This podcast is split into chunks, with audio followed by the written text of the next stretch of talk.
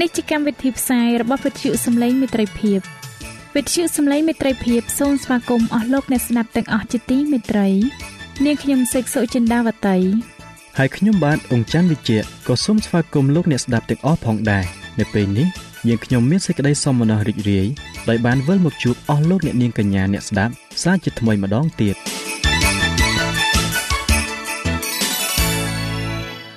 នាងខ្ញុំសេកសុចិន្តាវតី សូមជម្រាបជូនកម្មវិធីផ្សាយ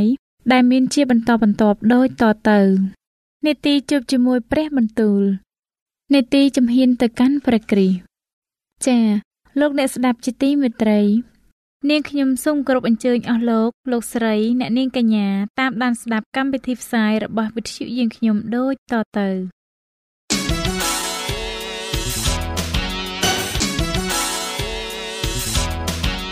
នេតិ ជួបជាមួយព្រះបន្ទូល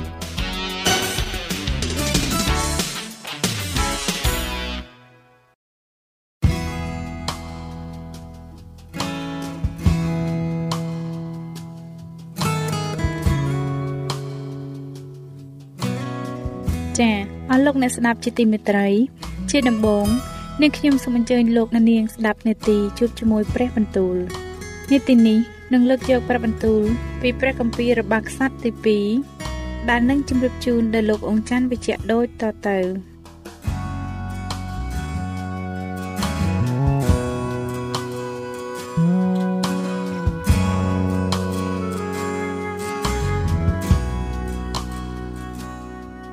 ព្រះគម្ពីររបស់ខ្សត្រទី2ចំពុកទី3រួចមកសាឡូមោនទ្រង់បានចាប់តាំងស្អាងព្រះវិហារនៃព្រះយេហូវ៉ា នៅលើភ្នំម៉ូរីយ៉ាក្នុងក្រុងយេរូសាឡឹមត្រង់កន្លែងដែលព្រះយេហូវ៉ាបានលេចមកឯដាវីតព្រះបិតាទ្រង់ជាកន្លែងដាវីតបានតម្រូវទុកនៅទីលានស្រូវរបស់អារ៉ៅណា ជាសាសយេប៊ូសទ្រង់ចាប់តាំងស្អាង នៅថ្ងៃទី2ខែពិសាក្នុងឆ្នាំទី4នៃរាជទ្រង់រីឯជើងជញ្ជាំងដែលសាឡូមោនបានដាំសម្រាប់នឹងស្អាងព្រះវិហារនៃព្រះនោះមានបណ្ដោយ60ហត្ថនិងទទឹង20ហត្ថតាមហត្ថពីបុរាណ ឯបាំងខ្សែដែលនៅពីមុខនោះបណ្ដោយ20ហត្ថឲ្យត្រូវនឹងទទឹងព្រះវិហារហើយកម្ពស់120ហត្ថទ្រង់ក៏ស្រោបដោយមាសសុទ្ធទាំងខាងក្នុងឯល្វែងធំទ្រង់ស្រោបដោយឈើកកោះរួចស្រោបដោយមាសយ៉ាងល្អព្រមទាំងដាប់ជាក្បាច់ដើមលម៉ើនិងច្រវាក់ទ្រង់តាក់តែងល្វែងនោះឲ្យមានលំអដោយត្បូងមានតម្លៃឯមាសនោះបានមកពីស្រុកហាវ៉ែទ្រង់ស្រោបព្រះវិហារព្រមទាំងធ្នឹមនិងក្របទ្វារ ហើយជញ្ជាំងនិងផ្ទាំងទ្វារទាំងប៉ុន្មានដោយមាសហើយឆ្លាក់រូបជេរូប៊ីននៅជញ្ជាំងទ្រង់ធ្វើល្វែងទីបរិសុទ្ធបំផុតបណ្ដោយ20ហត្ថត្រូវនឹងទទឹងព្រះវិហារដែលមាន20ហត្ថដែររួចស្រោបដោយមាសយ៉ាងល្អមានទម្ងន់600ហាបហើយដៃគោលគឺជាមាសមានទម្ងន់50ដំឡឹងឯបន្ទប់ខាងលើក៏ស្រោបដោយមាសដែរនៅក្នុងល្វែងទីបរិសុទ្ធបំផុតទ្រង់ធ្វើរូបជេរូប៊ីន2ជារូបឆ្លាក់ហើយក៏ស្រោបដោយមាស ស្លាបជេរូប៊ីនទាំងពីរនោះបានត្រដាងទៅ20ហត្ថឯស្លាបម្ខាងរបស់ជេរូប៊ីនមួយ មានប្រវែង5ហត្ថត្រដាងទៅទល់នឹងជញ្ជាំងល្វែងហើយស្លាបមួយទៀតប្រវែង5ហត្ថត្រដាងទៅទល់នឹងស្លាបជេរូប៊ីនម្ខាងឯស្លាបជេរូប៊ីនម្ខាងនោះក៏ប្រវែង5ហត្ថត្រដាងទៅទល់នឹងជញ្ជាំងម្ខាងល្វែងនោះហើយស្លាបមួយទៀតក៏ប្រវែង5ហត្ថត្រដាងទៅទល់នឹងស្លាបជេរូប៊ីនម្ខាងដូច្នេះស្លាបជេរូប៊ីនទាំងពីរបានត្រដាងទៅ អស់ប្រវែង20ហត្ថជេរូប៊ីនទាំងពីរក៏ឈរបែរមុខប្រទល់គ្នាឯវាំងននដែលទ្រង់ធ្វើដោយសម្ពុតទេសឯកយ៉ាងម៉ត់មានពណ៌ខៀវពណ៌ស្វាយនិងពណ៌ក្រហម ហើយក៏បាក់ជារូបជេរូប៊ីនដែរនៅខាងមុខព្រះវិហារទ្រង់ធ្វើសសរពីរកម្ពស់35ហត្ថហើយក្បាច់ក្បាលដែលនៅលើកំពូលសសរទាំងពីរនោះមានកម្ពស់5ហត្ថទៀតក៏ធ្វើក្បាច់ច្រវាក់ដោយច្រវាក់នៅក្នុងទីបរិសុទ្ធបំផុតដាក់ភ្ជាប់នៅក្បាលសសររួចក៏ធ្វើរូបផ្លែទទឹម100 ដាក់ភ្ជាប់នឹងច្រវាក់ហើយហើយលើកបញ្ឈរសសរទាំងពីរដាក់នៅមុខព្រះវិហារមួយខាងស្ដាំមួយខាងឆ្វេងទ្រង់ឲ្យឈ្មោះសសរខាងស្ដាំថាយ៉ាគិនឯសសរខាងឆ្វេងថាបូអូ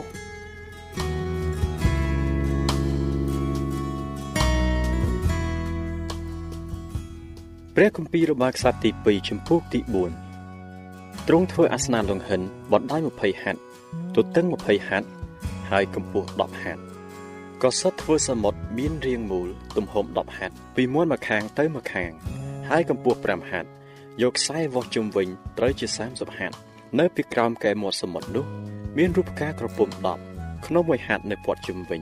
មានសិតជា2ជួរស្រេចក្នុងកាលដែលសិតសមុទ្រនោះតែម្ដង សមុទ្រនោះដាក់នៅលើរូបគោ12ដែលមាន3បែរទៅខាងជើង3បែរទៅខាងលិច 3បែរទៅខាងត្បូងហើយ3បែរទៅខាងកើតសមុទ្រនៅពីលើ ហើយគោទាំងនោះបែរគោទៅខាងក្នុងទាំងអស់សមុទ្រនោះមានកម្រាស់មួយរទេះហើយកែមក៏ធ្វើដូចជាមាត់ពេងរាងដូចជាផ្កាចន្ទធូចំណោះបានទឹក3000អម្រែកទ្រង់ក៏ធ្វើចានខ្លាំ10ដាក់5ខាងស្ដាំហើយ5ខាងឆ្វេងសម្រាប់ការលាងសម្អាតរបស់អ្វីដែលត្រូវខាងដង្វាយដុតនោះគេលាងក្នុងចានខ្លាំទាំងនោះ តែឯសមុទ្រនោះសម្រាប់ឯពួកសង្ឃលាងវិញទ្រង់ធ្វើជើងចង្គៀង12មាសតាមច្បាប់នៃជើងចង្គៀងទាំងនោះក៏យកទៅដាក់ក្នុងព្រះវិហារ5ខាងស្ដាំហើយ5ខាងឆ្វេងក៏ធ្វើតុ10ដាក់ក្នុងព្រះវិហារ5ខាងស្ដាំហើយ5ខាងឆ្វេងរួចធ្វើផ្ដិលមាស100ទ្រង់ធ្វើទីលានសម្រាប់ពួកសង្ឃនិងទីលានធំព្រមទាំងទ្វារសម្រាប់ទីលានហើយស្រោបទ្វារទាំងនោះដោយលង្ហិន ទ្រង់ដាក់សមុទ្រនៅខាងស្ដាំនៅចុងខាងកើតរបស់ព្រះវិហារគឺឈានទៅខាងត្បូងហ៊ីរ៉ាមធ្វើឆ្នាំងជាប់ជោគនឹងផ្ទះទាំងប៉ុន្មានដែរដូច្នេះហ៊ីរ៉ាមបានធ្វើសម្រេចការទាំងប៉ុន្មាននោះដែលគាត់ធ្វើថ្វាយស្ដេចសាឡូមោននៅក្នុងព្រះវិហារនៃព្រះគឺសសរទាំងពីរតួក្បាលសសរទាំងពីរដែលនៅលើកំពូលសសរនោះព្រមទាំងក្បាច់រាងក្រឡាអួនសម្រាប់បាំងតួក្បាលសសរដែលនៅលើកំពូលនោះ និងផ្លែទទឹម400សម្រាប់ក្បាច់ក្រឡាអួនទាំងពីរគឺជាផ្លែទទឹម2ជួរក្នុងក្បាច់ក្រឡាអួនមួយសម្រាប់នឹងបាំងតួក្បាលសសរដែលនៅពីលើនោះគាត់ក៏ធ្វើក្រងនិងចានខ្លាំងដាក់នៅលើគ្រងទាំងនោះសមុទ្រមួយនិងគោ12ត្រពីក្រោមឆ្នាំងចបជោគសមនិងគ្រឿងប្រដាប់ទាំងប៉ុន្មានឯបណ្ដាការទាំងនោះហ៊ីរ៉ាមជាមេជាបានធ្វើពីលង្ហិនយ៉ាងភ្លឺ ថ្វាយស្ដេចសាឡូមោនសម្រាប់ព្រះវិហារនៃព្រះយេហូវ៉ាស្ដេចទ្រង់បានសិតធ្វើទាំងអស់នៅក្នុងពុំដីឥដ្ឋត្រង់វិលទន្លេយ៉ូដានកណ្ដាលភូមិសេកូត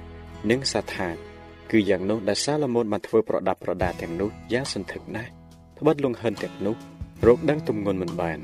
សាឡូមោនទ្រង់ធ្វើគ្រឿងប្រដាប់ទាំងប៉ុន្មានដែលនៅក្នុងព្រះវិហារនៃព្រះគឺអាសនាមាសនិងតុទាំងប៉ុន្មានសម្រាប់ដាក់នំប៉័ងតាំងទុកហើយនឹងជើងចង្គៀង និងតួចង្គៀងពីមាសសុទ្ធសម្រាប់ដុតតាមច្បាប់ នៅមុខទីទួលសួរដល់ព្រះហើយផ្កាចង្គៀងនិងគ្នា ប្រឆេះក៏ធ្វើពីមាសដែរគឺជាមាសយ៉ាងសុទ្ធបំផុតឯក្របប្រឆេះចានខ្លាំកូនចាន និងពៀន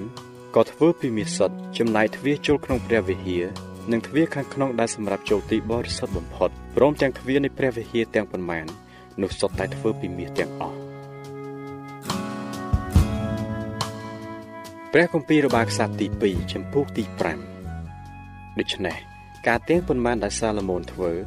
សម្រាប់ព្រះវិហារនៃព្រះយេហូវ៉ាបានធ្វើរួចជាស្រេចហើយទ្រង់នាំយករបស់ទាំងប៉ុន្មានដែលដាវីតជាព្រះបិតាទ្រង់បានថ្វាយទាំងប្រាក់ទាំងមាសនិងគ្រឿងប្រដាប់ទាំងអស់ចូលទៅដាក់នៅក្នុងឃ្លាំងព្រះវិហារនៃព្រះរួចមកសាឡូមោនទ្រង់ប្រមូលពួកចាស់ទុំនៃសាសអ៊ីស្រាអែលនិងពួកចាវាយនៃពួកអំបូរទាំងអស់ ហើយពួកអ្នកដែលជាកំពូលលើវងរបស់ឪពុកគេ ក្នុងពួកកូនចៅអ៊ីស្រាអែលមកឯក្រុងយេរូសាឡឹមដើម្បីនឹងនាំយកហឹបនៃសេចក្តីសញ្ញាផងព្រះយេហូវ៉ាចេញពីក្រុងដាវីតគឺជាក្រុងស៊ីយ៉ូនមកដូច្នេះបណ្ដាមនុស្សសាសអ៊ីស្រាអែលទាំងប៉ុន្មានក៏មូលព្រមគ្នាមកឯស្ដេចនៅវេលាបុណ្យក្នុងខែអាសុតពួកចេះទុំនៃសាសអ៊ីស្រាអែលទាំងអស់ក៏មកដែរហើយពួកលេវីគេលើកសាញហឹបនាំយកទាំងហឹបនិងត្រសាជំនុំ ហើយនឹងគ្រឿងប្រដាប់បរិសុទ្ធដែលនៅក្នុងត្រសាទាំងអស់ឡើងមក គឺជាពួកលេវីដ៏ជាសង្ឃដែលសែងយកមកនោះឯស្ដេចសាឡូមោននិងពួកជំនុំនៃសាសអ៊ីស្រាអែលទាំងប៉ុន្មានដែលបានមូលគ្នាមកឯទ្រង់គេនៅមុខហឹបទាំងថ្វាយចាញ់បូជាជីជាម និងគោយ៉ាងសន្ធឹកដែលនឹងរាប់ចំនួនមិនបានរួចពួកសង្ឃនាំយកហឹបនៃសេចក្តីសញ្ញាផងព្រះយេហូវ៉ាចូលទៅឯកន្លែង នៅក្នុងទីទួល សួរដល់ព្រះក្នុងព្រះវិហារគឺក្នុងលវែងបរិសុទ្ធបំផុត នៅក្រោមស្លាបនៃជេរូប៊ីនពីព្រោះជេរូប៊ីនទាំងពីរត្រដាងស្លាបពីលើកន្លែងសម្រាប់ដាក់ហឹបហើយក៏គ្របពីលើហឹបនឹងឈើស្នែងឯឈើស្នែងនោះវែងល្មមបានជាមើលពីត្រង់ទីទួលសួរដល់ព្រះទៅឃើញចុងសងខាងចេញមកពីហឹបតែខាងក្រៅមិនឃើញទេ ហើយក៏នៅទីនោះដល់រាបដល់សពថ្ងៃនេះរីឯនៅក្នុងហឹប ឥតមានអ្វីទេ មានតែបន្ទះថ្មពីផ្ទាំងប៉ុណ្ណោះដែលលោកម៉ូសេបានដាក់ពីកាលនៅភ្នំហោរ៉ែបនៅឡើយគឺកាលព្រះយេហូវ៉ាទ្រង់តាំងសេចក្តីសញ្ញានៅពួកកូនចៅអ៊ីស្រាអែលនៅគ្រាដែលគេចេញពីស្រុកអេស៊ីបមករួចកាលពួកសង្ឃបានចេញពីទីបរិសុទ្ធមកវិញត្បិតពួកសង្ឃទាំងអស់ដែលនៅទីនោះបានញែកខ្លួនជាបរិសុទ្ធហើយគេមិនបានចាំធ្វើការងារតាមវេនទេឯពួកលេវីជាពួកអ្នកចម្រៀងទាំងប៉ុន្មាន គឺអេសាបហេម៉ាន និងយេដូថិនព្រមទាំងពួកកូនចៅនិងពួកបងប្អូនគេស្លៀកពាក់សម្ពុតទេសឯកទាំងអស់គ្នាឈរនៅខាងកើតអាសនាកាន់ឈឹងពិននិងសុងហើយមានពួកសង្ឃ120នាក់ឈរជាមួយកំពុងតែផ្លុំត្រែដែរនៅខណៈនោះកាលពួកផ្លុំត្រែនិងពួកចម្រៀងគេប្រគំភ្លេងព្រមគ្នាឮសំឡេងតែមួយដើម្បីលើកសរសើរហើយអរព្រះគុណដល់ព្រះយេហូវ៉ាគឺកាលគេឡើងសំឡេងដោយផ្លុំត្រែវាឈឹងហើយលេងប្រដាប់ភ្លេងទាំងប៉ុន្មាន ព្រមទាំងលើកសរសើរដល់ព្រះយេហូវ៉ាដោយពាក្យថាទ្រង់ប្រកបដោយករុណាគុណសេចក្តីសប្បុរសទ្រង់នៅអកលជានិច្ចនោះស្រាប់តែព្រះវិហារព្រះយេហូវ៉ាមានពេញដោយពពកដល់ម្លេះបានជាពួកសងឈរធ្វើការងារមិនបានដោយព្រោះពពកនោះត្បិតសេរីល្អនៃព្រះយេហូវ៉ានៅពេញក្នុងព្រះវិហារនៃព្រះ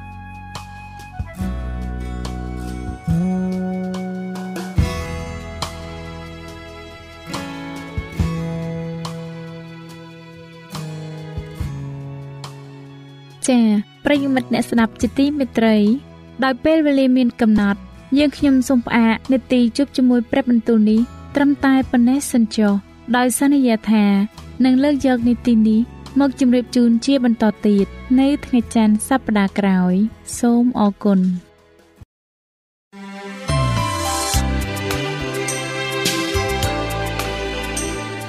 វិទ្យុសំឡេងមេត្រីភាព AWR នាំមកជូនលោកអ្នកនៅសារនៃសេចក្តីសង្ឃឹមសម្រាប់ជីវិត។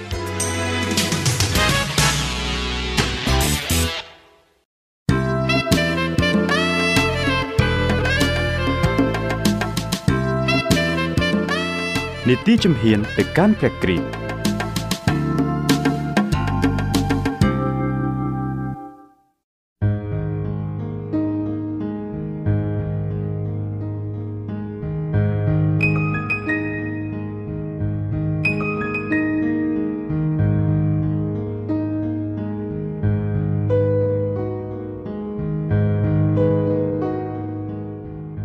ងខ្ញុំសេកសុចិនាវតីសូមជម្រាបសួរអស់លោកលោកស្រីអ្នកនាងកញ្ញានិងប្រិយមិត្តអ្នកស្ដាប់ជាទីមេត្រីនាងខ្ញុំបានវិលត្រឡប់មកជួបលោកអ្នកសាច់ជាថ្មីម្ដងទៀតនៅក្នុងកម្មវិធីជំហានទៅកាន់ព្រះគ្រីស្ទនៅពេលនេះនាងខ្ញុំសូមលើកយកនៅប្រធានបទថ្មីមួយទៀតមកជម្រាបជូនអស់លោកអ្នកដែលមានចំណងជើងថា ការរីកចម្រើននៅក្នុងព្រះគ្រីស្ទអស់លោកអ្នកជាទីមេត្រីតាមរយៈមេរៀនជាច្រើនកន្លងមកហើយដែលលោកអ្នកបានតាមដានជាមួយនាងខ្ញុំ នៅពេលនេះ សូមលោកអ្នកមកសិក្សាមេរៀននេះជាមួយនាងខ្ញុំក្នុងការរីកចម្រើននៅក្នុងព្រះគ្រីស្ទតើអ្វីទៅជាការរីកចម្រើននៅក្នុងព្រះគ្រីស្ទតើការរីកចម្រើននេះនឹងកើតឡើងចំពោះលោកអ្នកដែរឬទេដូច្នេះដើម្បីបកស្រាយទៅនឹងសំណួរនេះសូមលោកអ្នកតាមដានស្ដាប់ដូចតទៅព្រះគម្ពីរបរិសុទ្ធបានចែងអំពីការប្រែចិត្តដែលយើងបានคล้ายទៅជាកូនរបស់ព្រះថាចាប់កំណើតថ្មីព្រឹត្តិការណ៍នេះព្រះប្រដូចទៅនឹងការលូតលាស់ពន្លកនៃក្របធញ្ញជាតិ និងការសាបព្រោះដោយកសិករនៅក្នុងសភាពនេះដែរមនុស្សដែលទៅតែទទួលជឿព្រះគ្រីស្ទគឺប្រៀបដូចជាទារកដែលទៅនឹងកើតដែលនឹងលូតលាស់ទៅកាន់ភាពជាបុរសនិងស្ត្រីពេញវ័យនៅក្នុងព្រះគ្រីស្ទយេស៊ូវនេះបានចែងនៅក្នុងព្រះគម្ពីរពេត្រុសទី1ចំពុក2ខ2ហើយរ៉ាអេសាយបានពោលនៅក្នុងព្រះគម្ពីរអេសាយចំពុក61ខ3ថា គេនឹងហៅថាជាដើមឈើនៃសេចក្តីសុចរិត គឺជាដើមដែលព្រះយេហូវ៉ាបានដាំដែលមានប្រយោជន៍ឲ្យទ្រង់បានថ្កើងផលដូច្នេះតាមរយៈនៃជីវិតធម្មតាឧទាហរណ៍ប្រៀបធៀបបានលើបង្ហាញជួយឲ្យយើងកាន់តែយល់ច្បាស់ឡើង នៅអត្តន័យអាចកំបាំងនៃសច្ចភាព នៃជីវិតខាងឯព្រលឹងវិញ្ញាណប្រាជ្ញានិងការពន់ប្រសពរបស់មនុស្សមិនអាចបង្កើតសំបីតែជីវិតដ៏តូចមួយនៅក្នុងធម្មជាតិបានឡើយគឺមានតែតាមរយៈជីវិតដែលព្រះគ្រីស្ទជាម្ចាស់ផ្ទាល់ គង់ជាមួយទេ ដែលរុក្ខជាតិនិងសត្វពាហនៈអាចរស់បានដូច្នេះមានតែជីវិតដែលចេញពីព្រះតែមួយប៉ុណ្ណោះដែលជីវិតប្រកបដោយសេចក្តីជំនឿអាចកើតមានទៅបាននៅក្នុងផ្លូវចិត្តរបស់មនុស្សលោកបើមិនបានកើតអំពីព្រះនៃនគរស្ថានសួគ៌ទេនោះគេមិនអាចចូលរួមក្នុងការទទួលយកជីវិតដែលព្រះគ្រីស្ទបានប្រទានឲ្យគេឡើយទាំងការមានជីវិតក៏ដូចគ្នានឹងការលូតលាស់ដែរ គឺព្រះបានបង្កើតឲ្យមានពន្លករួចចេញជាផ្ការីកត្រសោះត្រសាយរហូតដល់បញ្ចេញបានជាផ្លែគឺដោយសារតែព្រះចេស្តានៃព្រះដែលក្រពូជអាចដោះលូតលាស់បានហើយរ៉ាម៉ូសេបាននិយាយអំពីសាសអ៊ីស្រាអែលថា គេនឹងលាស់ឡើងដោយផ្កាកំភ្លឹងរីឯព្រះគម្ពីរហូសេចំពុក15ខ4ដល់ខ5សម្ដែងថាគេនឹងលាស់ឡើងថ្មីដូចជាសន្ទូងហើយលូតលាស់ដូចជាដើមវល្លិទំពាំងបាយជូរផង ព្រះយេស៊ូវបានមានព្រះបន្ទូលប្រាប់នៅក្នុងព្រះគម្ពីរលូកាចំពុក12ខ27ថាចូលពិចារណាអំពីដើមកំភ្លឹងមើលតើវាលូតលាស់របៀបណាអស់លោកអ្នកជាទីមេត្រីដូចនេះរុក្ខជាតិនិងបុព្វាជាតិផងទាំងឡាយពុំមែនរីកលូតលាស់ដោយខ្លួនឯងនោះទេប៉ុន្តែបានលូតលាស់ដោយសារព្រះពរដែលព្រះជាម្ចាស់បានផ្ដល់មកក្មេងតូចតូចមិនអាចរីកធំធាត់ដោយសារតែខ្វល់ខ្វាយឬដោយអំណាចរបស់ខ្លួនផ្ទាល់ឡើយ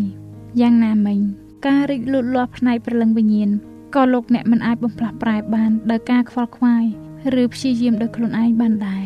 រុក្ខជាតិក៏ដូចជាកុមារតូចតូចដែរគឺអាចលូតលាស់បានដោយសារតែបរិយាកាសដែលនៅជុំវិញខ្លួនដែលជួយផ្គត់ផ្គង់ផ្ដល់អាយុជីវិតរបស់គេ ដូចជាខ្យល់កាំរស្មីព្រះអាទិត្យនិងចំណីអាហារជាដើមអំណោយទានពីធម្មជាតិទាំងនេះដែលផ្គត់ផ្គង់ដល់សត្វតនិក និងរុក្ខជាតិនោះប្រៀបបានទៅនឹងព្រះគ្រីស្ទដែលផ្គត់ផ្គង់ដល់អស់អ្នកណាដែលទុកចិត្តលើទ្រង់ព្រះគម្ពីរហូសេជំពូក14ខ5សម្ដែងថាព្រះអង្គដូចជាទឹកសន្សើមដល់រាជរបស់ទ្រង់រីឯព្រះគម្ពីរទំនុកដង្កើងជំពូក72ខ6បានចែងថាទ្រង់នឹងយាងមកដូចជាទឹកភ្លៀងមកលើវាលស្មៅដែលបានច្រូតរំលែងហើយនៅក្នុងព្រះគម្ពីរយូហានជំពូក3ខ33ក៏បានប្រាប់ផងដែរថា ព្រះអង្គជាទឹកមានជីវិត ជានំប៉័ងរបស់ព្រះវរបិតាដែលយាងចុះពីស្ថានសួគ៌ដែលប្រទានជីវិតដល់ពិភពលោកអស់លោកអ្នកជាទីមេត្រីដោយសារអំណោយដែលមិនអាចប្រៀបប្រដូចបាន នៃព្រះរាជបត្រារបស់ទ្រង់ព្រះវរបិតាបានគ្រប់ដណ្ដប់ពិភពលោកទាំងមូលដោយបរិយាកាសនៃប្រគុណរបស់ទ្រង់ដូចជាខ្យល់ដែលបានហុំព័ទ្ធជុំវិញពិភពចក្រវាលដូច្នេះដែរសម្រាប់អស់អ្នកណាដែលព្រមស្រូបយកនៅខ្យល់ដង្ហើមនោះ នោះនឹងរស់នៅ ហើយលូតលាស់យ៉ាងធំធាត់ពេញរូបពេញរាងជាបរោះនិងជាស្ត្រីនៅក្នុងព្រះគ្រីស្ទរីឯរាល់បុព្វាទាំងឡាយណា ដែលបែរទៅរកព្រះអាទិត្យដើម្បីឲ្យកាមរស្មីដ៏ត្រចះត្រចង់នោះជួយលំអសោភ័ណភាពយ៉ាងណា នោះយើងក៏ដូចនេះដែរបើយើងត្រូវបែរទៅរកព្រះអាទិត្យនៃសេចក្តីសុចរិតដើម្បីឲ្យពន្លឺនៃស្ថានសួគ៌បញ្ចាំងមកលើរូបយើងដើម្បីញ៉ាំងឲ្យអត្តចរិតរបស់យើងបានរីកចម្រើនឡើងឆ្ពោះទៅរកលក្ខណៈដូចជាអង្គព្រះយេស៊ូវ ព្រះយេស៊ូវបានបង្រៀនមេរៀនដូចគ្នានេះដែរនៅពេលដែលទ្រង់មានបន្ទូលថាចូលនៅជាប់នឹងខ្ញុំហើយខ្ញុំក៏នៅជាប់នឹងអ្នករាល់គ្នាដែរខ្នែងមិនដែលអាចបង្កើតផលផ្លែដោយឯកឯងបានឡើយបើមិននៅជាប់នឹងគល់ឬដើមទេនោះគម្ពីរយូហានចំពុក15ខ4ដល់ខ5បានសម្ដែងថាគ្មាននរណាម្នាក់អាចធ្វើអ្វីបានទេលើកលែងតែនៅជាប់នឹងខ្ញុំឬត្បិតបដាច់ចេញពីខ្ញុំ នោះអ្នករាល់គ្នាមិនអាចធ្វើអ្វីបានទេ អ្នករាល់គ្នាត្រូវតែពឹងផ្អែកទៅលើព្រះគ្រីស្ទដើម្បីឲ្យបានរស់នៅក្នុងជីវិតមួយដែលបរិសុទ្ធក៏ដូចជាខ្នែងដែលពឹងផ្អែកលើគល់ដើម្បីលូតលាស់និងផ្ដល់ផលផ្លែដូចនេះដែរបើឃ្លាតឆ្ងាយពីទ្រង់នោះអ្នកពុំមានជីវិតឡើយអ្នកគ្មានអំណាចទប់ទល់នឹងការអូសទាញឬក៏រីកចម្រើនលូតលាស់ក្នុងព្រះគុណនិងជីវិតបរិសុទ្ធបានឡើយបើអ្នកឃ្លាតចេញឆ្ងាយពីទ្រង់ នោះអ្នកនឹងស្វិតស្រពោនគ្មានផ្លែផ្កាឡើយអ្នកនឹងបានដូចជាដើមឈើដែលដុះតាមមាត់ទឹកដូចនេះដែរមានមនុស្សជាច្រើនយល់ថាគេត្រូវធ្វើកិច្ចការខ្លះដោយខ្លួនឯងតែមិនត្រូវការព្រះជាម្ចាស់នោះទេ គេបានជឿទុកចិត្តលើព្រះគ្រីស្ទដែលអត់ទោសបាបក៏ប៉ុន្តែឥឡូវគេបែរជាស្វះស្វែងរកការរស់នៅឲ្យបានត្រឹមត្រូវប្របីដោយសារការប្រឹងប្រែងរបស់ខ្លួនគេផ្ទាល់ការព្យាយាមបែបនេះមិនបានសម្រេចនោះឡើយ ព្រះយេស៊ូវមានព្រះបន្ទូលថាបើគ្មានខ្ញុំអ្នករាល់គ្នាមិនអាចធ្វើអ្វីបានឡើយការលូតលាស់នៅក្នុងព្រះគុណសេចក្តីអំណរនិងផលប្រយោជន៍របស់យើងគឺពឹងផ្អែកទាំងស្រុងលើការរួបរวมរបស់យើងជាមួយព្រះគ្រីស្ទគឺដោយសារការរួមសម្ព័ន្ធរបស់យើងជាមួយនឹងទ្រង់ជារៀងរាល់ថ្ងៃនៅជាប់នឹងទ្រង់គ្រប់ពេលវេលានោះហើយដែលអាចឲ្យយើងរីកចម្រើននៅក្នុងព្រះគុណរបស់ទ្រង់ព្រះអង្គមិនត្រឹមតែជាអ្នកចាប់ផ្ដើមប៉ុណ្ណោះទេ គឺថែមទាំងជាអ្នកបង្គ្រប់នៅជំនឿរបស់យើងផងព្រះគ្រីស្ទជាដើមកំណើតនិងជាទីបញ្ចប់ជារៀងដរាបព្រះអង្គគង់នៅជាមួយមិនត្រឹមតែពីដើមកំណើតនិងនៅទីបញ្ចប់នៃជីវិតប៉ុណ្ណោះទេ គឺនៅគ្រប់ទាំងជំហានរបស់យើងក្នុងផ្លូវជីវិតស្ដេចដាវីតមានប្រសាសន៍នៅក្នុងព្រះគម្ពីរទំនុកដង្កើងចំពុក16ខ8ថា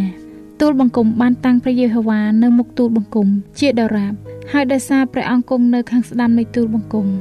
បានជាទូលបង្គំមិនត្រូវរង្គើឡើយតើលោកអ្នកដែលសួរសំណួរថាតើធ្វើដូចម្ដេចទើបខ្ញុំអាចនៅជាប់ជាមួយព្រះគ្រីស្ទបានដែរឬទេចម្លើយគឺត្រូវតែប្រព្រឹត្តឲ្យដូចពេលដែលអ្នកទើបនឹងទទួលយកទ្រង់ជាលើកដំបូងគម្ពីរកូឡូសជំពូក2ខ6សម្ដែងថាដូច្នេះដែលអ្នករាល់គ្នាបានទទួលយកព្រះគ្រីស្ទជាម្ចាស់បែបយ៉ាងណានោះចូលដើរក្នុងទ្រង់តាមបែបយ៉ាងនោះចុះ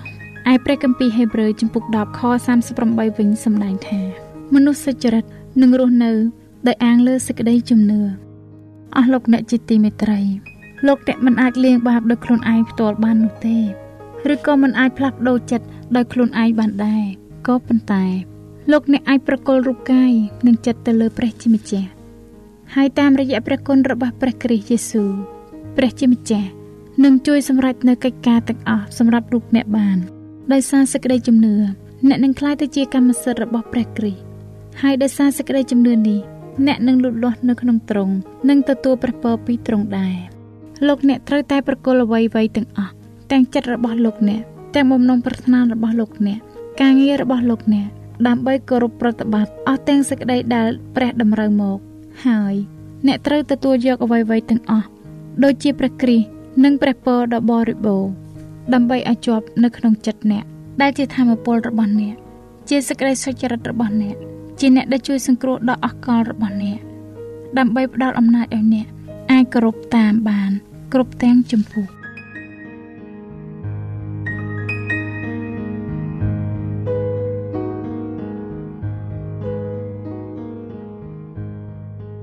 ចា៎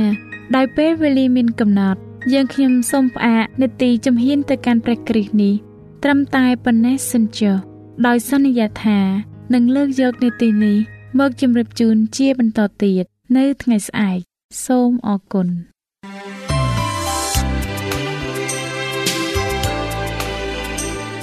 វិទ្យុសំឡេងមេត្រីភាព AWR មានផ្សាយពីរដងក្នុងមួយថ្ងៃ គឺព្រឹកនៅម៉ោង6និងពេលយប់នៅម៉ោង8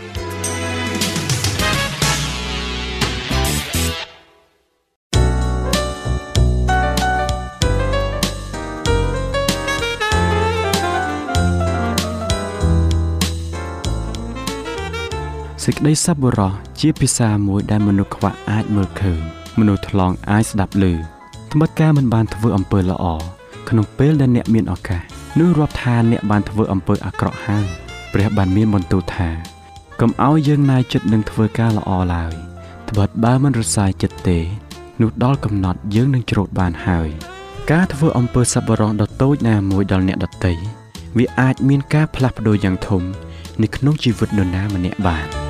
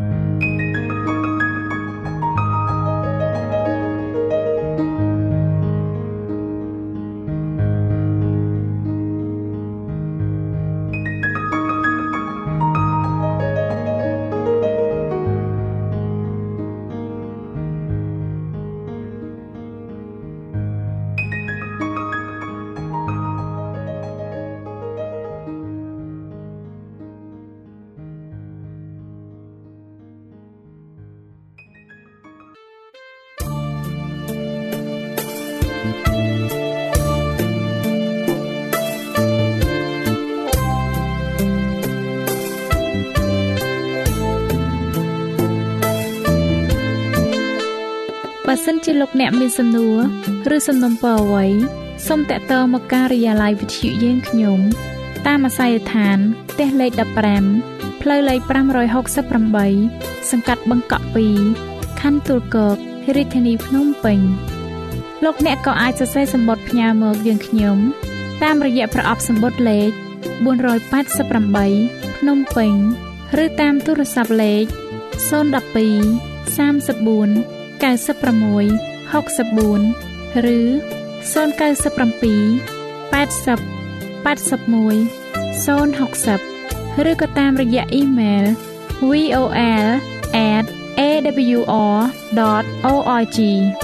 យើងខ្ញុំរងចាំទទួលស្វាគមន៍អស់លោកអ្នកនាងដោយក្តីសោមនស្សរីករាយហើយលោកអ្នកក៏អាចស្ដាប់កម្មវិធីនេះឡើងវិញដោយចូលទៅកាន់ website របស់ Vuthu យើងខ្ញុំ តាមរយៈអាស័យដ្ឋាន www.awr.org